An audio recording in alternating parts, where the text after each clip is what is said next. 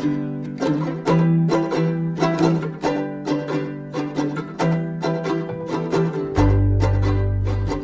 Pagesa, el podcast de la pagesia que ve.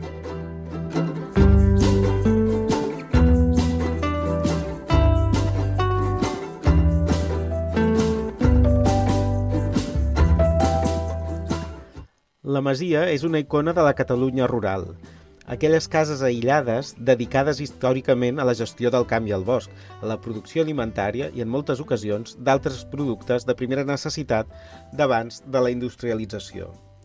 N'hi ha moltíssimes que són fins i tot monumentals, però des del segle passat aquest patrimoni és un patrimoni en risc. Els canvis en l'estil de vida cada cop més urbà han provocat que cada cop n'hi hagi més de tancades. Les rehabilitacions són molt costoses, la legislació a vegades és complexa. Molts propietaris les veuen més com una càrrega que com un valor. Però contra aquesta visió pessimista hi ha persones que les reivindiquen i lluiten per trobar-hi solucions. D'això en pot parlar molt bé la Marta Lloret, que amb el sobrenom de la caçadora de Masies s'ha convertit en una activista de primer ordre a favor d'aquest patrimoni. Només a Twitter, on és arroba Marta Masies, gairebé 46.000 persones segueixen les descobertes, denúncies i propostes que fa per les masies catalanes. El seu compte d'Instagram, arroba lloret.m.b, és un catàleg espectacular d'imatges de masies d'arreu de Catalunya que suma més de 41.000 seguidors. Soc Josep Socarrats, director d'Arrels, i avui m'acompanyarà Marta Lloret per parlar de les masies, no pas com una relíquia, sinó com un actiu pel futur.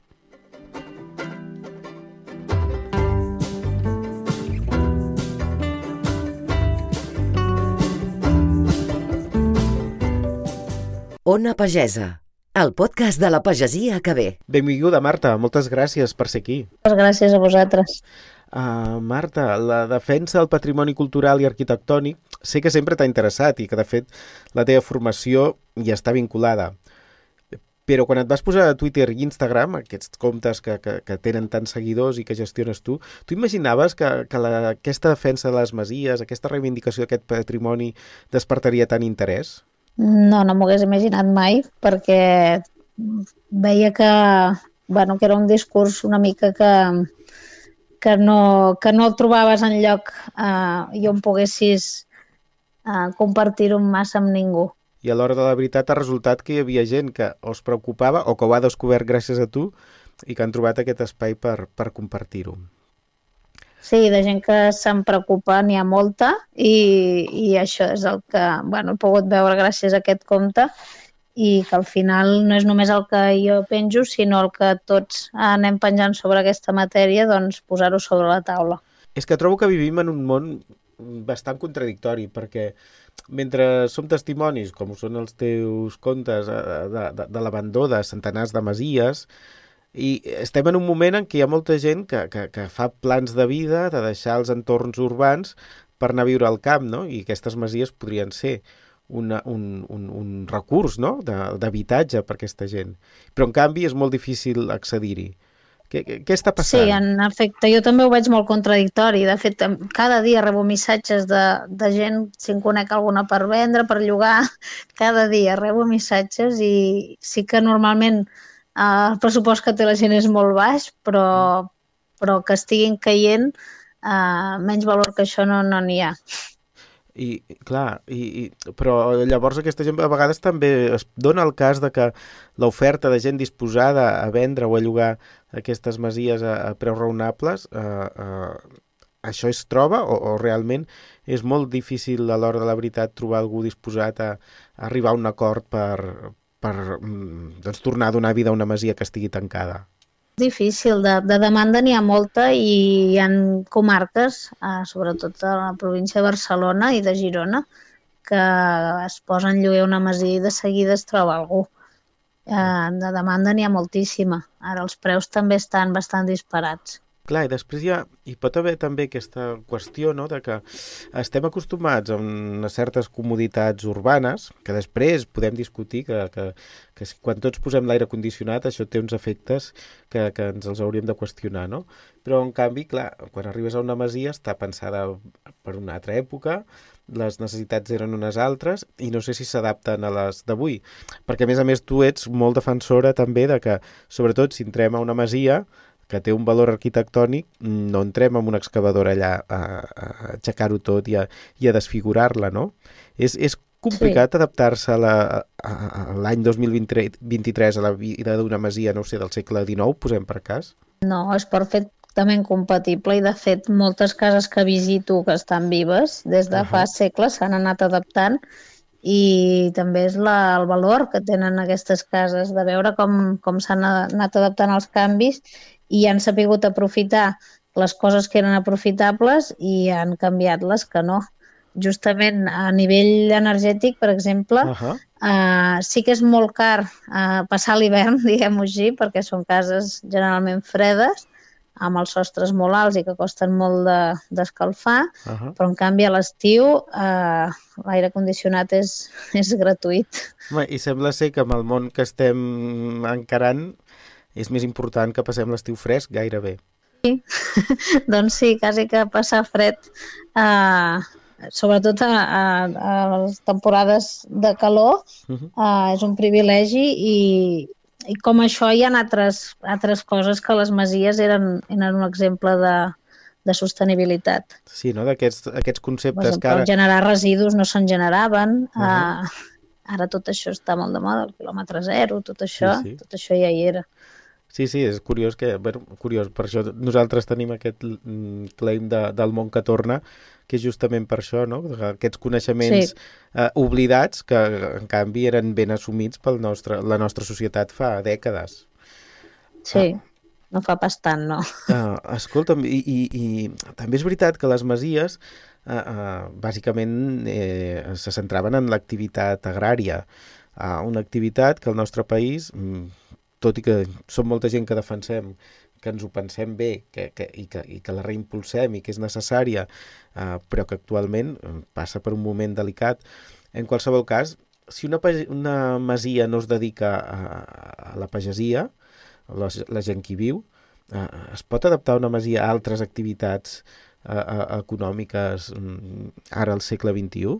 Sí, per suposat que sí, tot i que um, els beneficis que porta una masia eh, que es dediqui a l'agricultura o a la ramaderia eh, no són comparables a nivell territorial al que a altres activitats.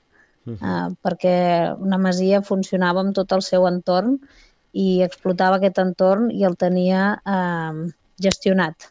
Uh -huh. D'altra manera, bueno, tenim tots aquests problemes dels boscos, de, bueno, de problemes a nivell territorial en tenim una pila que se solucionarien eh, reactivant aquestes cases. Dit això, n'hi ha algunes que com que la terra no rendeix tant, per exemple, és una de les causes, doncs eh, abans el que feien, eh, posem 20 masies en un terme municipal, ara només ho poden gestionar la terra i treure'n un rendiment unes poques. Mm -hmm. Doncs aquestes altres que no poden, doncs sí que han de poder tenir una altra activitat. -hmm. Tu vas saltar de, de les xarxes en un determinat moment on, on vas començar a fer tota aquesta divulgació, que no sé, quin any vas començar a Twitter i Instagram? Um, a Instagram fa 4 anys, ara, ara mm. justament vaig més o menys obrir-lo per Nadal de fa 4 anys i el Twitter ara també farà 2 anys. I va, doncs des d'allà vas començar aquesta primera tasca teva que no, no imaginaves que tindria aquest ressò pel que ens has dit, però llavors també fas mm, eh, un cert activisme en el pla real. O sigui, estàs participant i defensant, i de fet és una, una de les artífecs del projecte Masiaire, que va impulsar la Fundació Mas i Terra i que et voldria preguntar que ens expliquessis una mica mm, en què consisteix el projecte Masiaire. Bueno, aquest projecte justament el vam poder uh, arrencar gràcies a les xarxes socials uh -huh perquè funciona connectant amb propietaris que tenen cases que estan tancades i que no saben què fer-ne i no les poden vendre per diverses circumstàncies, eh, amb gent que vol anar a viure en una masia d'aquesta mena. Uh -huh. En general, la idea mare del projecte és de cases que estan en estat eh, deficient a diferents nivells i que els masovers urbans, que es diu, el contracte que es fa es diu masoveria urbana, no li he posat jo aquest nom, però és aquest, eh, els masovers que se'n fan càrrec, doncs en comptes de pagar un lloguer, doncs arreglen la casa. I van apareixent propietaris que, que veuen una bona alternativa per mantenir el seu patrimoni mm, aquest tipus Sí. de contracte?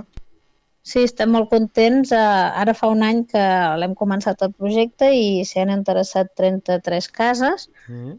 I bueno, van entrant, ara ja en tenim algunes que han demanat per, per entrar-hi i que ja començarem després de les vacances de Nadal. Això vol dir 33 cases que estaven tancades i que recuperaran la vida, diguem-ho així, no? Sí, bueno, no, no totes han acabat reeixint els Mhm. projectes per motius diversos que no, no tenen a veure amb nosaltres, Uh -huh. com que es venen o, bueno, ja, a vegades hi ha hagut, però d'aquestes cases ja tenim 12 cases on hi ha masovers i, no sé, una quinzena que estan en el procés perquè és bastant lent. Uh, no és només trobar un masover de seguida, hem de fer entrevistes, tenim 1.900 sol·licituds de, Clar. de gent que vol viure així i clar, de tots aquests perfils s'han d'entrevistar i buscar un que encaixi en cada casa. Clar, és que és una pregunta que et Després volia fer, a no? les cares, pels contractes, és tot, tot molt lent. No, I, I que també suposo que tu, si algú et diu "Bé, tinc moltes ganes d'anar a viure a una masia, això ja pot estar bé, però que a vegades no sé si la gent és conscient del canvi de vida que, que implica, sobretot si venen d'un entorn purament urbà. Si quan, No, exacte. quan algú et diu això, tu què, què, què, què li respons? Que la vida a masia és molt maca i només maca o que No, una no, mica? no, això no, no ho hem volgut mai plantejar així Uh -huh. i de fet intentem buscar perfils que no només ens diguin això, sinó que demostrin eh, tenir coneixement del que és viure en un mas i, i que hi hagin tingut això, alguna aproximació i que a més a més tinguin eh, la manera de com arreglar-les i que hi tinguin un projecte al darrere. Si pot ser agrícola ramader, millor que millor. Si no, doncs veure com encaixa amb el que estan buscant en aquesta casa en concret. I, i eh, t'ha tocat algun cop convèncer algun propietari indecis que ha picat a la vostra porta o que tu has conegut i que, que tenia això una casa tancada i no sabia ben bé què fer-ne i dubtava del que... És la meva feina. És la teva És- feina. La meva tasca dins d'aquest projecte sobretot és la de fer de, eh, de mediadora entre el propietari i els masovers que vinguin i la meva tasca és sobretot eh, convèncer els propietaris, convèncer no com una cosa eh, que fa falta i convèncer, sinó d'explicar el projecte i de què li aportarien ells. Sí, perquè a vegades és això, no? que una mica hi ha molts temors i, i poca consciència dels beneficis que pot aportar aquest tipus de- Sí. Uh, La fundació justament pel que és per donar com una seguretat de que hi Mhm. estarem darrere el procés i es fa un acompanyament i que és el propietari qui acaba decidint sobre tot els, les eleccions que s'hagin de fer. Exacte, que, que no se li farà malbé el patrimoni. Ah. Exacte. Uh, arrels, en alguns reportatges que, que hem publicat, hem conegut diversos projectes col·lectius de grups de persones que s'instal·len en una masia, que és la manera que han trobat de poder afrontar les despeses que genera, no? de manteniment i de reforma i aquestes coses. Uh, no sé si això és un model uh, gaire comú, si és molt excepcional, o si has conegut al, algun cas concret, que això et diria col·lectiu o no, seria, uh, això no seria important en aquest cas, però sí que pensis, mira, aquest projecte em va semblar molt interessant perquè aquesta masia que estava mm, abandonadíssima, avui és un lloc uh, uh, recuperat i, i modèlic per pensar què podem fer amb aquest patrimoni que estem perdent. Sí, n'he conegut molts i de fet eh, un d'ells és el que va inspirar el projecte Masiaire, que és el Mas Brigel de Juià, a Girona, Ahà. que el van agafar un grup de quatre nois i una noia i tenen 20 anys, que també és una dada bastant significativa i que ells amb les seves mans van arreglar la casa i no només la van recuperar i l'han fet habitable en, en pocs mesos, en mig any, Ahà. eh, sinó que per mi és la millor restauració que he vist en una masia perquè ho han recuperat eh, tal i com era, han mantingut molt bé l'essència i han, han restituït els materials originals i han aplicat l'arquitectura tradicional com, com toca. També hi han, hi han fet lavabos i el que s'ha modernitzat, vull dir que no estan vivint com a l'edat mitjana, però, però justament aquest equilibri que han trobat entre modernitat i tradició eh, és excel·lent. I conèixer aquest, aquest projecte em va fer veure que a vegades no és un problema econòmic el fet de recuperar masies, sinó tenir una mica de sensibilitat i estima cap a aquest patrimoni. Home, i és important tenir referents positius com aquest de, de, de cara al futur del projecte i de les Masies de Catalunya, no? Uh, i ens podem implicar amb, la, amb aquestes tasques teves, no només oferint Masies o, o, o, o, o habitant-hi, si és el cas, sinó també d'una manera més uh, petita, tens una, un web a, a la pàgina de l'aixeta, martamasies.aixeta.cat, uh, on la gent que et segueix i que li interessa la teva tasca pot contribuir doncs, a, a fer aportacions perquè tu puguis generar aquests continguts, crear aquests continguts a, a, al voltant d'aquesta temàtica. No? Això és així com sí. he explicat? Sí, sí, de fet aquesta pàgina la vaig obrir no sé quant de temps fa ara, no ho he comptat, uh -huh. uh, però va ser justament perquè estic dedicant mm, molts dels meus recursos uh, personals.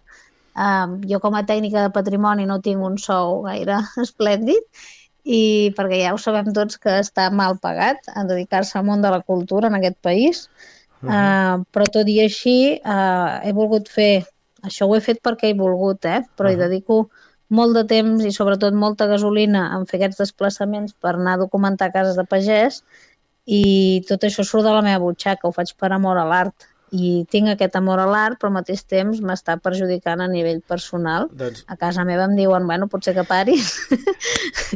I, de... bueno, doncs per això vaig obrir uh, aquest micromecenatge de l'aixeta, que, bueno, t'he de dir que tampoc um, ha tingut gaire Bé, gaire repercussió.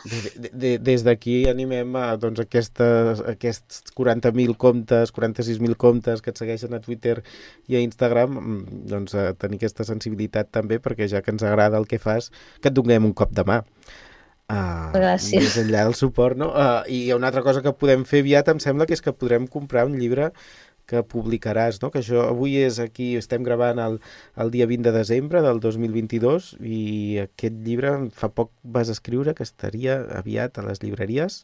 Què ens en pots dir? Sí, el, el, bueno, sortirà el 14 de febrer i, i bueno, el, porto un any escrivint-lo i uh, aquest llibre consisteix en la visita que he fet amb 15 masies eh, que m'han semblat casos paradigmàtics per explicar una mica la situació general de les masies a Catalunya. Hi ha una reflexió al darrere, però sobretot és com una visita eh, dels espais, on remarco la, el valor de, dels espais que conserva cada casa d'aquestes i del que m'han anat explicant a les persones que hi viuen, que al final és el que em trobo a la, a la vida real, eh, que és que tot el que estic dient a les xarxes socials i tot això és en defensa eh, i explicant la situació en què es troben la gent que hi viu.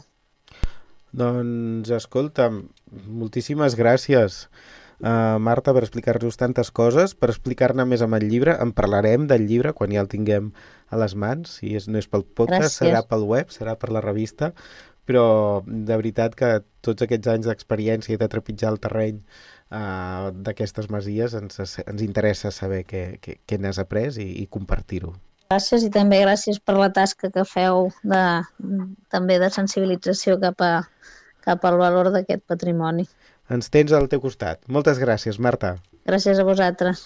I amb el bon regust que ens ha deixat aquesta conversa de les Masies, potser ens imaginem al voltant d'un foc d'aquests asseguts i xerrant, tots plegats, i, i escoltant el podcast d'Ona Pagesa, que ens arriba mm, ara la veu d'Eva Clausó Estival. Des de les terres de Lleida, Pirineu i Aran, ens explica què s'hi està fent per revitalitzar aquest territori rural tan important per Catalunya. Amb tu, transformem el territori. Un espai ofert pel Patronat de Promoció Econòmica de la Diputació de Lleida. Les terres de Lleida, el Pirineu i Aran veuen en el biogàs una oportunitat econòmica de futur per al territori. En aquestes comarques s'hi genera més del 50% de la producció agrícola i ramadera de Catalunya. A més a més, l'agroindústria representa també més del 50% de tot el sector industrial de la demarcació. Tot plegat fa que aquest territori sigui estratègic en tots els processos de valorització dels excedents que resulten d'aquestes activitats econòmiques. El biogàs és un gas renovable compost per metà i diòxid de carboni, obtingut a partir de transformar residus ramaders i agroindustrials als llocs de les depuradores d'aigua i als residus domèstics. I què vol dir això? Doncs que les escombraries o els purins de les granges es poden convertir en una matèria primera renovable per generar energia. El passat mes de novembre es va celebrar a Balaguer el primer fòrum del biogàs de Catalunya, on es van exposar diverses experiències catalanes relacionades amb la transformació de residus orgànics i dejeccions ramaderes. La implementació d'aquest sistema és un objectiu estratègic per al desenvolupament de la bioeconomia a les Terres de Lleida, al Pirineu i Aran. Us ha parlat Eva Claus Hostival de les Terres de Lleida, al Pirineu i Aran. Ona Pagesa, el podcast de la pagesia que ve.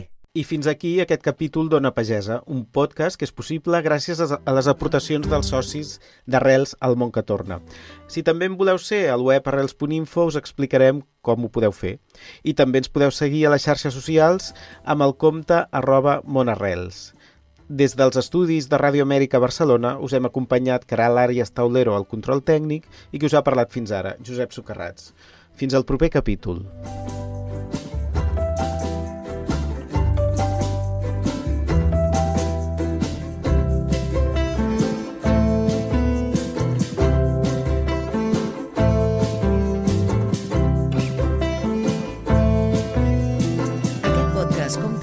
Suport del Departament d'Acció Climàtica, Alimentació i Agenda Rural.